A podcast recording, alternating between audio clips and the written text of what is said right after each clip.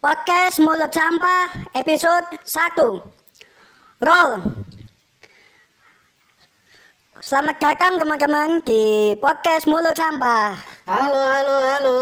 Bersama saya Bambang Lebar. Dan saya Ujang Cakwe Nama gue nih.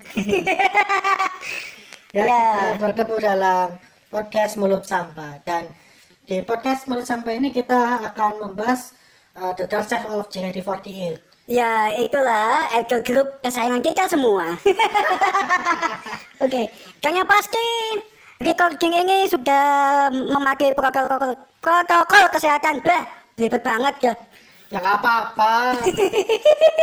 Tahu kalau JKT tanpa protokol kesehatan kan banyak positifnya. Emangnya apa itu yang positif? Sebenarnya. ya ya ya ya jadi di episode pertama ini kan kita kan bakal ngomongin soal dark side of JKT48 nah untuk yang episode pertama ini kita bakal ngomongin apa nih pak Eh, episode pertama ini kita bakal membandingkan gimana sih perjuangan member JKT dari gen awal sampai yang gen sekarang. oh kayaknya seru tuh Oke, ya ya ya Oke, kita langsung ke topik utama. Bagaimana perjuangan member gen awal? Eh, kebetulan saya kan eh, gimana tuh gimana tuh ih gugup ih. Gugup. Jadi kebetulan saya kan ngefans JKT dari zaman debutnya. wah sepuh sepuh sepuh Gila, gue dari awal sampai sekarang nih ngefans JKT belum kawin-kawin aja. oh cuma mukanya udah kayak om om nih Nah, jadi waktu itu ya di mall, di sebuah mall, di, gue lupa antara Bekasi atau Bogor. oke Nah, itu bisa dicari. Dan waktu itu gak sengaja banget. Entah kenapa tuh nggak sengajanya Gue sama saudara ya belan- lagi belanja-belanja alat eh, komputer dan lain-lain lah pokoknya. Oke. situ kebetulan ada Ultraman gitu, di Iya. satu sampo. Dan gue lihat ngerwak gitu. ya Di, di tengah sama di, di tengahnya kalau nggak salah. oke Waktu itu yang gue inget setelah mereka perform itu SCMC itu langsung ngomong manggil Sonia. oh kenapa tuh Ulta. oh ulta Ya kali dipanggilnya untuk ngomongin nikahan. Iya sih pada saat itu kan masih kecil banget kan. Masih banget dan jujur lagunya menarik makanya sampai akhirnya memutuskan jadi fans dan ya banyak drama lah di sana Oh, baik drama fanbase maupun drama member drama JOT wow. gue curiga mereka jangan-jangan pernah nonton drama parade Drama barat, K-pop, telenovela. Oke. Kalau aku sih ini ya. Kalau aku pertama kali itu mungkin kasusku agak be- agak beda ya sama fans-fans pada umumnya. Mungkin kalau fans-fans kebanyakan apalagi zaman era One, era RCTI Plus, emang era Wan itu kan yang di toko handphone itu Bukan, bukan beda-beda. Nah mungkin kalau fans-fans yang era Ribus, era One, era FJKI Plus, mereka itu kan ngelihatnya, oh membernya begini, oh cakep nih. Kalau aku enggak.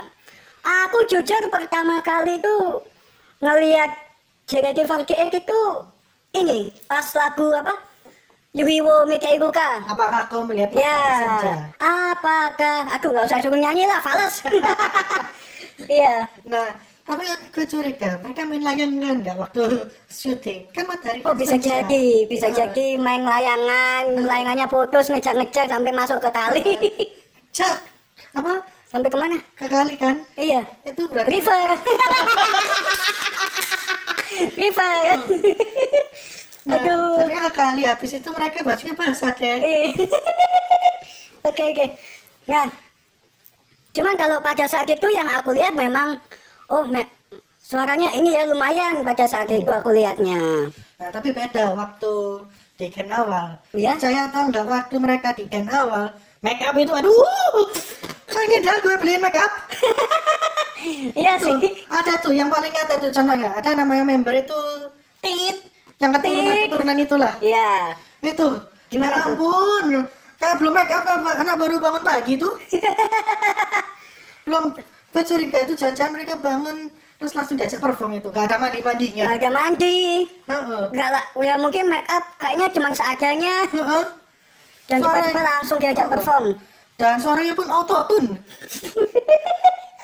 Ingat ada satu lagu JKT yang tuntunnya Kentara Apa tuh? Kimisuki Kimi Suki itu karena aku suka suka dirimu itu ya. home brand dong Bangke kepikiran aja jokesnya. Oke oke. Nah, cuman ini sih kalau game sekarang itu apa ya? Aku ngelihatnya kayak untuk lagu ya. Mereka mereka tuh kayaknya kayak ya ya ini mungkin buat teman-teman yang kurang mengerti audio ya bisa jadi gua yang kena ini eh gua bisa jadi aku yang kena tubir Mm-mm. karena memang kalau menurutku eh apa ya untuk lagu yang zaman sekarang itu kayak suara apa ya suara vokal member itu dia tuh kayak tenggelam gitu sama suara musiknya. Nah Ya. setuju nggak? Setuju sih. Soalnya kenapa mereka tenggelam? Nggak tahu. Belum dikasih ban. Oh. Dan juga nggak ada yang nolongin. Oke oke. Oke, tapi memang dari dulu seperti itu. Kita nggak munafik lah. Dari dulu sampai sekarang member suaranya Abdullah Minali. Bisa loh kita hitung dengan jari member yang suaranya benar-benar bagus tanpa lip sync. tapi pada zaman dulu member suaranya lumayan lah Ya lumayan juga sih, walaupun banyak yang kacau juga. oke oke tapi gini, dulu member itu ya kalau perlu ya apa adanya. Mm-mm. Ini nggak waktu Kimisugi pernah itu. Jadi gini, sebelumnya saya mau ref, eh, bedah dulu. oke gimana di tuh Kimisugi itu ada dua versi ya, versi YouTube, Oke. video lirik dirilis JKT Baru-baru aja ya? baru aja sama di versi yang media biasanya. apa tuh bedanya Nah bedanya kalau kita lihat di yang versi media biasanya kalau di online Spotify atau di CD album ya itu uh, pasti sudah ada backing itu sudah ada backing vokalnya. Tapi kalau yang di Oh. YouTube itu sama sekali belum ada backing vokalnya dan itu kalau nggak salah yang menjadi yang uh, oh ini emang kita nggak apa-apa nih sebut member Oh. jangan jangan kita sensor aja ya. pokoknya ada lah member yang Jadi ya, ba- backing vokal ya. backing vokal Heeh. Dan itu kerasa banget falesnya. ya mungkin namanya member pada saat itu masih baru belajar Ya masih baru. Iya jadi wajar aja lah kalau Wajar. fal- fals gitu kan. Cuma sudah 8 tahun berdiri. eh 9 tahun kan? Oh iya 9 tahun berdiri Bagi Fals. bentar lagi soalnya Enif. Oh, Udah hampir 9 tahun. Maunya ngapain itu ke Fals terus? Nah itu dia. Tapi kita nggak nyalain juga. Nggak nggak nyalain. Karena memang begini. Berbeda antara yang di idol grup Cina Di idol Taiwan, terus Korea dan Manila dan Manila. Emang Korea ada 48 Hah? emang Korea ada 48 kan ada idol bandnya oh ya betul betul. Nggak salah nggak salah. ada di Manila. Mereka memang punya standar tinggi. Oh ya kalau yang Manila. baik Manila maupun Korea. Oke, ini kita no offense ya buat fansnya JKT. Cuman menurut aku fansnya Ma- apa? Eh, kok fansnya Manila sih? Eh apa ya? Grupnya Manila itu secara vokal ya itulah. Secara vokal memang dia lebih aduh gak enak ngomongnya aku. Lebih bagus. Memang harus memang harus diakui. Memang harus. Bahkan kita gue pernah lihat juga tuh MNL 48 mereka perform lagu mereka perform single ya. dan itu nggak dari sync-nya langsung benar-benar oh berarti open mic gitu ya? Mic. wow. Dan itu ba- bagus suaranya. Kira-kira kalau member JKT hah ya mungkin bisa lah untuk berdoa bentar. Lumayan lah kalau ada skill dia bisa mensisihkan mendekatkan diri kepada Tuhan gitu kan. Eh tapi enggak. Tapi mem eh, ada sih memang member saya ini suaranya bagus. Memang ada memang ada. Nah, itu mereka tergabung dalam JKT48 akustik oh ya akustik iya iya. Nah, tapi ya eh, tapi ya kita ingat juga bahwa ada masanya dan ada dua member yang sudah mengumumkan graduate. Oke. Nah, ada siapa itu gue lupa. Aduh. Ya pokoknya ini lah dua member Itulah. dua member lah. Kita nggak boleh sebut nama sayang. Nggak boleh. Nah, nanti bisa demo berjilid-jilid aksi bila member. Oke, oke. Demonya pakai baju putih ya. Oh enggak, demonya pakai itu bajunya JKT yang merah, bawa lightstick. Datang ntar. Ke kantornya kita. Nah, tapi nanti pakai prokes ya. Pakai prokes, jaga jarak. Heeh. Karena kita nggak mau kena covid. Oke, oke. Sisi positif yang kita hindari ya itu. Iya. Nggak mau lah kita Terus covid. kalau yang negatifnya? Hah? Yang negatifnya? Negatif apa? Kan kita kan ini hari ini kan bahas ini Oh, dark side kan. ah, ya ya ya. Jadi negatifnya ya seperti itu. Nah, mas apa ya? Member yang suara bagus itu belum tentu. Kalau belum tentu itu dia. Iya betul. Pertama betul. kalau ketika dia mereka kalah secara visual, sulit Iya. banget gue lihat. Ini aku mau bawain contoh kasus gak apa-apa kan ya? Gak apa-apa. Jadi kalau menurut aku adalah member Gen 3 yang mestinya kalau menurut aku dia itu harusnya layak lah masuk Senbatsu. Cuman sampai sekarang, Belum belum. aduh, Sulit anjir. aku ngeliat, ngeliat aja tuh 32 besar aja nggak masuk, kasihan aku. Sudah. Oh iya sekali ya, sekali, sekali. sekali aja. Yang single itu, Yang- yang 2018 lah pokoknya. 2018 ya, so thank you. Nggak enak aku ngomong. Nah, tapi balik lagi, setelahnya itu gak kepilih lagi tuh 32 besar Oke, ya, ya, dan ya. bener dan gue ikut salah satu pet membernya Kenapa tuh? Fans lebih tersenang yang tertarik secara visual daripada yang punya yang daripada yang berbakat Aduh, sakit anjir sakit, tapi itu fakta. Gimana dong? dan kita gak munafik kalau cowok itu butuh visual Iya. lo kalau disuruh milih butuh yang visualnya cantik apa visualnya jelek pilih mana Yang penting bisa nyanyi.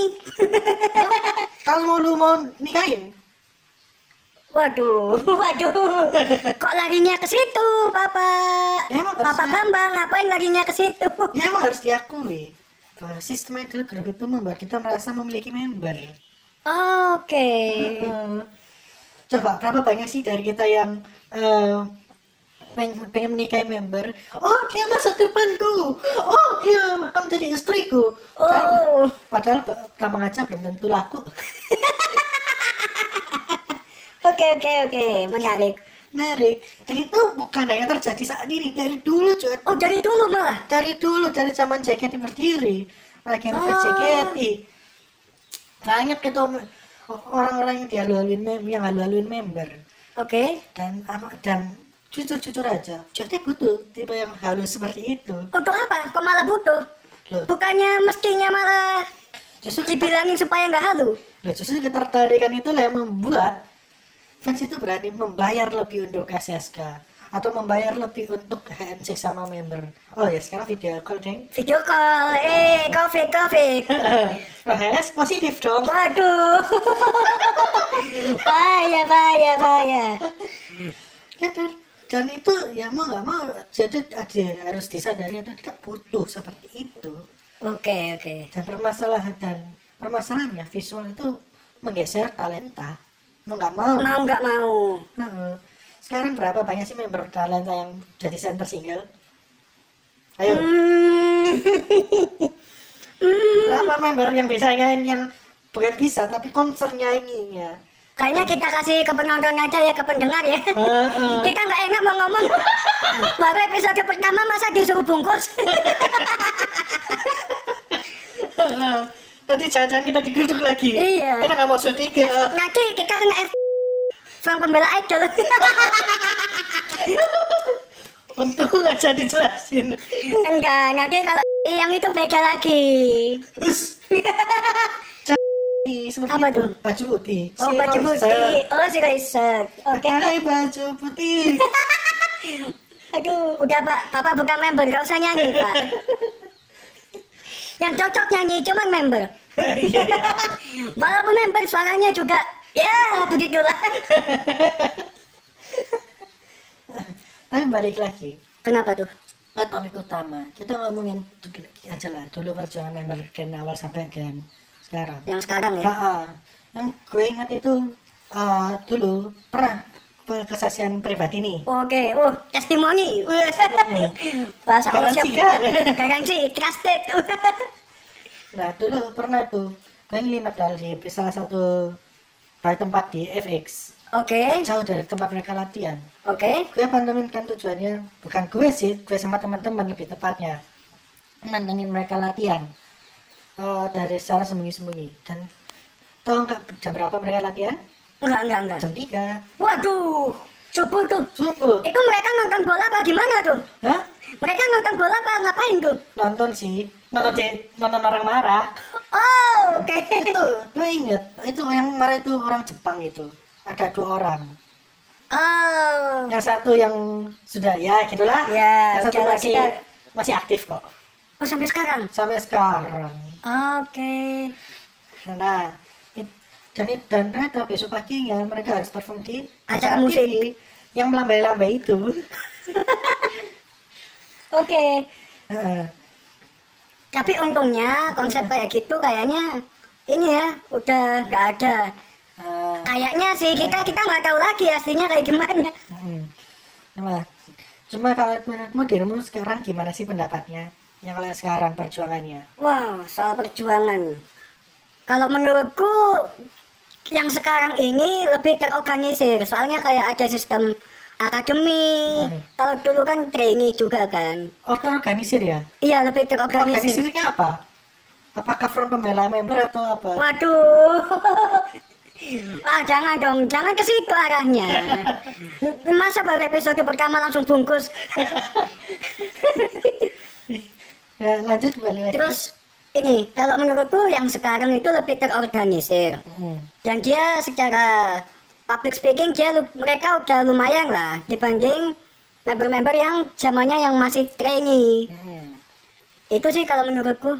Ya sih, jadi ada namanya JKT48 Academy. Ya, kalau dulu kan cuma trainee aja tuh. Nah, dan ini tapi ada juga loh yang baru kepilih langsung gak seberapa lama masuk tim.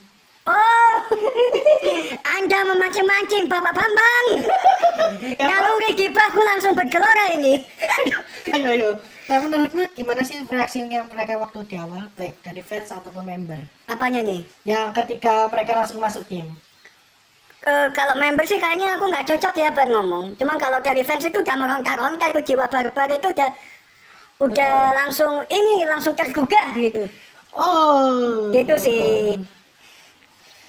Dan karena emang pada saat itu kan hitungannya si member itu baru baru join ke. JKT lah. Dia tuh baru hitungannya berapa bulan gitu ya. Ah. Dia langsung ini langsung masuk ke Tim. tim gitu. Nah, dan itu mendominasi ya ucapan itu. Oh, sangat mendominasi. Tapi gini, kan di masa itu saya juga gue kan hiatus. Oke. Nah, kira-kira menurut kamu gimana sih penampilan mereka setelah terbentuk tim? Wah, penampilannya. Ya secara penampilan sebenarnya not bad. Cuman memang ada beberapa sesi MC yang kelihatannya mereka tuh kayak ngumbar aib orang lain. Oh, itu itu yang jadi aku bikin males juga buat nonton. Hmm. Oke. Ya gimana lagi, karena mungkin mereka nggak punya kemampuan untuk public speaking atau belum diajari bahkan. Mungkin belum diajari itu kali ya. Hmm. Dan secara dance rapi apa enggak? Secara dance boleh lah, cukup rapi lah. Hmm. Suara juga ya nggak usah ditanya. Oke oke. Tapi itu se- sebenarnya kalau kita hitung-hitungan tanpa mereka dilatih, sebenarnya sudah bagus itu. Sebenarnya. Sebenarnya. Tapi memang harus diakui bahwa fans itu punya tuntutan. Oh apa tuh? Tuntutannya apa tuh? Bukan tuntutan itu pak, bahaya pak. Ya, Emangnya tuntut- tuntutan apa tuh? ya tuntutan ya standar performnya harus begini begitu dan kalau bisa MC-nya harus lucu. Oh jadi kayak mengikuti kakak-kakaknya ya? Iya dong harus. Kan kakak menjadi teladan. Oh ya. Walaupun mereka sering skandal, Aduh, aduh, aku nggak mau ikutan nih. Pas pas skandal bahaya nih. kita kulik aja. Oke. Dulu member kalau skandal itu mereka mainnya itu yang jauh gitu loh. Yang, yang kalau bisa jauh dari cuaca Jakarta. Kalau karaoke ya yang ruang VVIP. Tapi kemarin ada tuh yang di Labuan Bajo tapi masih kena. Itu kesalahan TO-nya itu. Oh, IO-nya salah. Ngapain harus dipublis-publis? Iya sih. TO-nya memancing-mancing. Walaupun kita tahu di sana ada area pancing.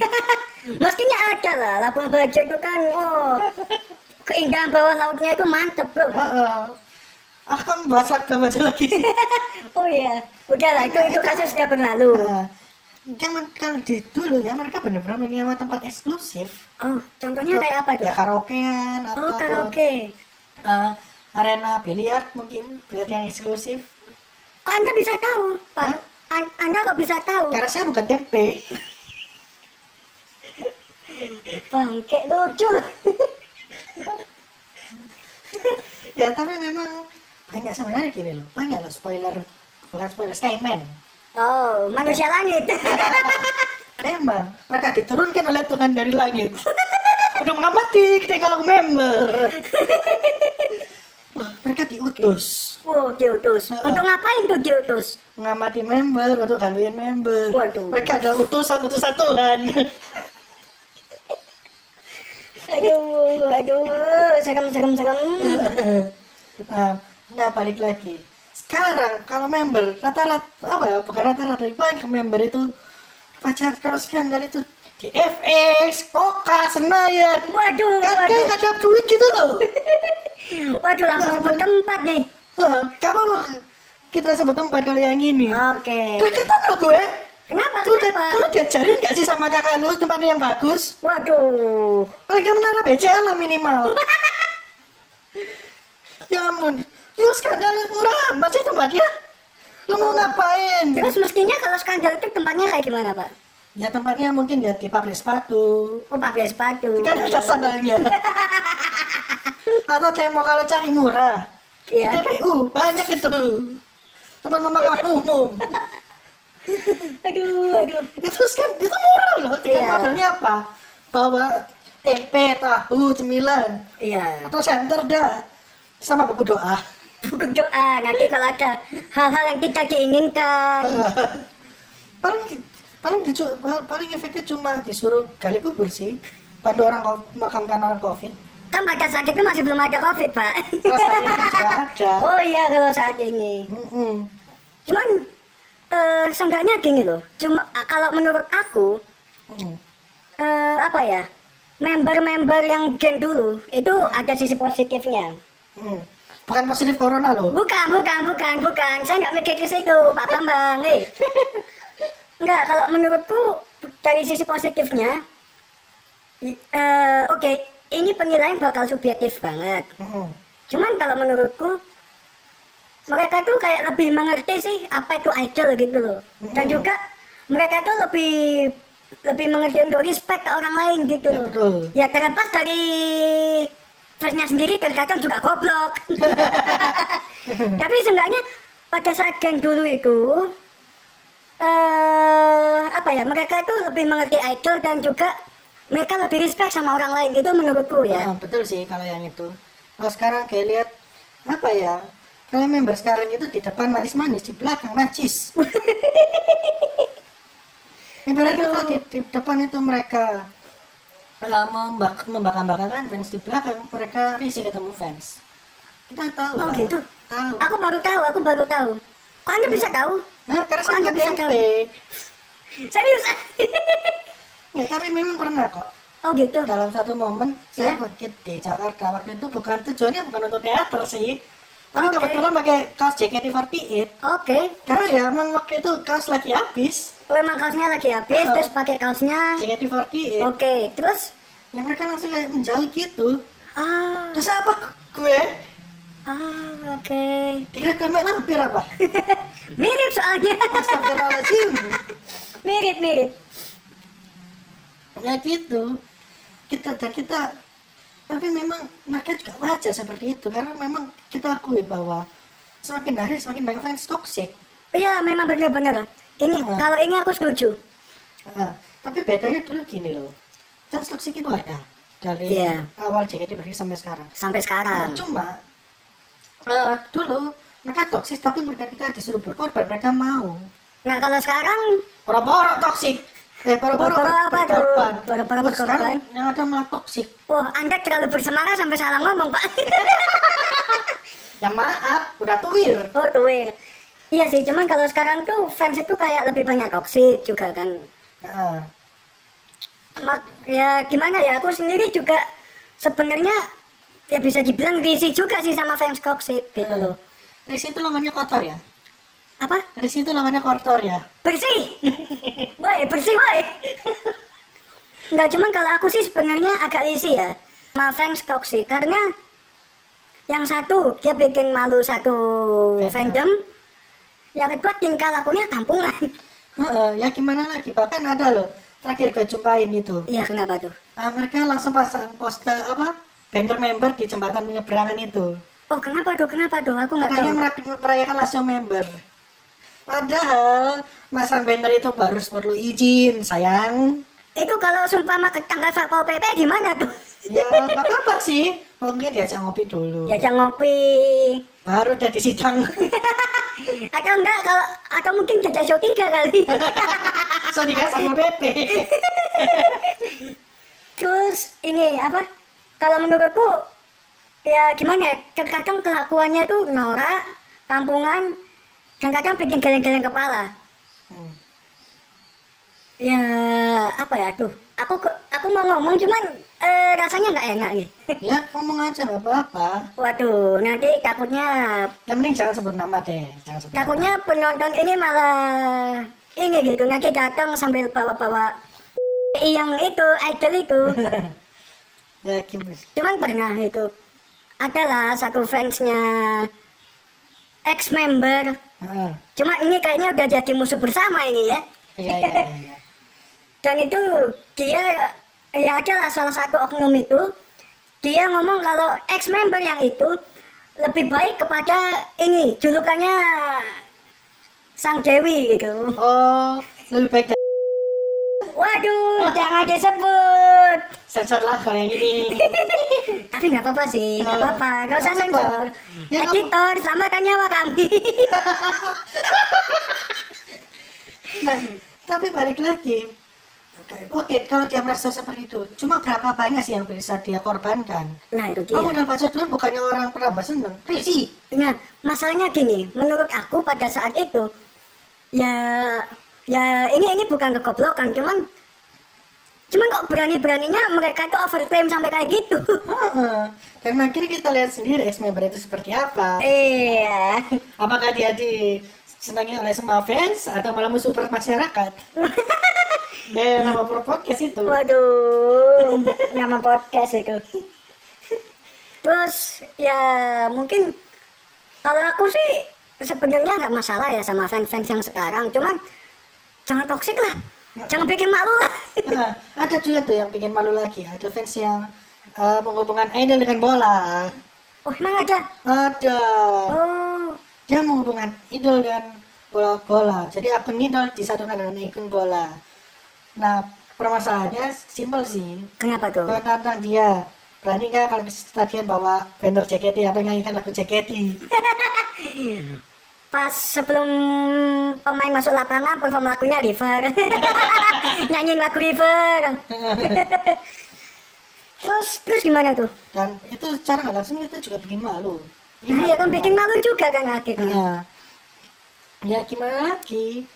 Nah, gimana lagi? Karena memang nggak bisa disamakan antara kultur bola, idol dan politik. Oh nggak bisa nggak bisa. Tapi ada satu juga sih, yang fansnya mau hubungan idol dengan politik. Aduh, Fansnya dari Jawa Timur sih. satu provinsi lah sama kita. Cuman iya iya ya aku aku pernah bermasalah sih itu yang sama bapak politik. Heeh. Dia ngomongnya disingkirkan secara politik bangke. Heeh. dia menghubungkan idol, ya. dia menghubungkan idol dengan pandangan pol- politik. Dia ngomong gini, salah satu contohnya. Dia ngomong haram pemimpin kafir. Tapi Tapi aslinya kafir. nah gimana coba? iya iya iya. Dan sampai sekarang dia halo kita loh, oh ini saya bakal jadi istriku. Ya, tapi seenggaknya itu masih ada sisi po- positif loh pak. Positif apa? Positif dikebukin. Bukan positif jadi calon pemimpin masa depan. Berarti itu masih positif. Pemimpin apa? Ya itulah. oke oke terus terus yang selainnya bobo politik ada lagi nggak yang ini? Ada ada tuh. Jangan langsung to the point menghina member waktu MVP. Oh itu itu aku nggak tahu. Itu ada inisialnya C lah. Kenapa? Dia bilang waktu itu dia gue lupa antara 2018 sama 2019 Oke. dia bilang bahwa ada salah satu member eh diem lu lu monyet Wah, Nah, dan itu kebetulan MVP-nya waktu itu ke kapten pada masa itu eh sorry ke salah satu member bukan kapten oke. Itu itu Nah. keras sih. keras dan akhirnya langsung show 3 Oh, langsung tuh. Ah. Langsung show tiga tuh. Nah, dan fak bukan dan sebelum penelusuran gue dia bukan sekali aja naik show 3 tapi dua kali Wah, kalau tiga kali dapat piring cantik tuh. paling jadinya dipecahin ke kepalanya Wah, tapi tapi ganas loh dia. Heeh. Tapi seenggaknya gini ya, positifnya itu dia berani ngomong itu ya. Heeh. Di depan orang-orang gitu. Nah, ada juga nih Kenapa tuh? versi yang utang Aduh, jadi ceritain gimana gimana itu? jadi dia ikut uh, apa dia ikut konser JKT Iya. Platinum Iya. 2015 dia MVP 400 ke salah Iya. satu member tapi hasil dia utang sih Wow. Sampai segitunya banget. sampai segitunya Itu tapi dia mau cari walau apa ngapain tuh? Pak cari terpaksa mungkin Oh, wangsit. pasti tapi mau utang nah Terus gimana tuh? akhirnya ketika ditagih habis, Iya. habis dia MVP 400 dia ditagih tuh Iya. nah ketika ditagih dia lari Oh, Sampai lari. terus sama tanya FX untungnya besoknya dia balik sambil dicek KTP sih waktu itu oh ya btw gini informasi sedikit tapi itu sebutan untuk satpam di teater security lah. Security. Bahasa kerennya security. nah, Sosok Inggris security. nah, meskipun gue nggak tahu member itu merasa secure atau enggak oke oke terus itu yang fans-fans yang zaman sekarang ini yang membuat kita gregetan Iya, kenapa tuh? yang itu tadi ada yang halu ada yang ngutang ada yang membakar-bakarkan osinya sampai kafir-kafirkan musik member lain Yang bapak politik itu ya. yang bawa, bawa politik juga banyak lah dan jujur sih gue pengen ketawa anjir pokok makin banyak makin eh, beragam gini fansnya Gak Saya ada. pikir, Anda pikir saya diam ini tidak akan ketawa apa? gitu tapi kalau fans zaman dulu ya gitu. Mereka berani protes. Mereka berani uh, disuruh uh, berkorban. Oke. jadi apa yang mereka berikan dengan apa yang mereka proteskan itu seimbang. Oh, nah sekarang ya ya gimana? Ya gitulah. Heeh. dan tapi yang unik juga sih dari mem segi membernya juga terhadap fans. Oh ya, kenapa tuh? eh ya kita gue ya apa gak menutup kemungkinan juga sih Iya. Kan masih ada lah member sekarang yang tetap respect dengan fansnya Oh, ada banyak banyak. walaupun dikit sih Masa sih? Heeh. Oke. kita dibandingkan member yang kurang respect dengan fans Kalau dibandingkan member zaman dulu atau gimana nih? nah kalau di, ya bisa dibandingkan dengan yang total member Ya? bisa dibandingkan dengan member zaman dahulu Oke. karena gini kalau zaman dulu konsepnya memang idol yang bertumbuh kembang bersama fans Kalau sekarang? Hah? Ada yang hancur bersama dengan fans. ya ke mana Oke. lagi? Kita realistis lah menjadi fans sekarang. Oke. Selama kita tidak tidak sanggup berkorban ya, ya janganlah kita berekspektasi lebih. Oh iya iya iya. Dan juga kita harus sebagai fans juga harus menetapkan batasan kita ngidol itu gimana. Oke, emang gimana tuh batasan idolnya? Ya utaranya, selatan, timur, barat. Itu ada Samudra India di utara. iya terus eh Pasifik. Waduh, Anda ini sekolah cuma sampai pamit nih. Patokan B di Sumatera. Ya kalau ke Sumatera juga ini apa? Barat laut. Hah? Barat Barat laut laut. ya? Iya. Barat laut dekatnya utara nggak? Dapat sih. Ya sudah. Oke oke oke oke. Gimana tuh batasan idol? Ya batasan itu itu nggak banyak sih. Sejauh mana? kita- Oh ini ini berarti subjektif ini ya kalau banyak ya. Ya iya, sebenarnya subjektif. Tapi kita hitungannya tahu diri sampai sejauh mana. Oke. Seberapa banyak sih kita berkorban untuk mereka? Oke. Terus ekspektasi kita untuk mereka itu gimana? Semakin kita me- berkorban dan kita ekspektasi kita tinggi ya Iya. siap-siap aja kita sakit hati Oh, member itu juga manusia iya iya. iya. dan dan manusianya juga kalau member itu suka sama cowok dan cowok Ya, wajar nggak sih. normal kalau member suka cewek. Aduh, mau mau gimana? Hei antum lu nggak boleh suka sama si cowok. Aduh, terus member itu jadi gay. Aduh, aduh, bagaimana? ayo gimana menurut kamu? Iya sih, cuman, cuman ya maksudnya wajar lah. Nah, tapi kurang-kurangnya minimal main rapi lah. Ya, main rapi. atau tanyalah sama kakak-kakakmu. Dulu mereka pacaran di mana? Hitung budgetnya hitung budget gaji kalian berapa? Mampu nggak? Kalau nggak mampu ya udah nggak usah pacaran dulu. Sekolah dulu yang bener. Latihan yang profesional. Aduh, aduh. sebel gua Oke, kayaknya kita akhiri dulu ya sampai sini ya. Oke, Karena oke. bahasanya udah makin ke mana-mana nih.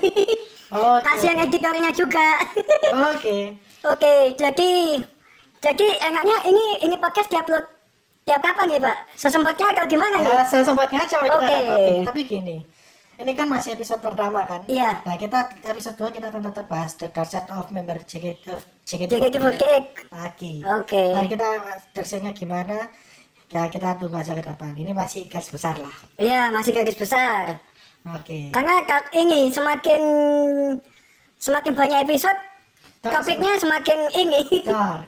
semakin menjurus. Walaupun kita bingung sih jurus mabuk apa jurus Aduh, jurus bangau jurus kelapa Buddha. hei jangan dong Enggak, kita tapi- disuruh ke Viara Itu dulu ada tahu yang film-film apa? Kayak kartun dulu. Iya ada. Tapi mestinya aman lah. aman-aman semoga Semoga. tapi emang ada member yang menguasai jurus kelapa Buddha Siapa tuh? ya gue nanya Nggak ada, nggak ada lah. ya kali ada kan lumayan kalau mereka disakiti kan mereka langsung jurus Oke. Oke kalau gitu sampai jumpa di episode selanjutnya. Bye. bye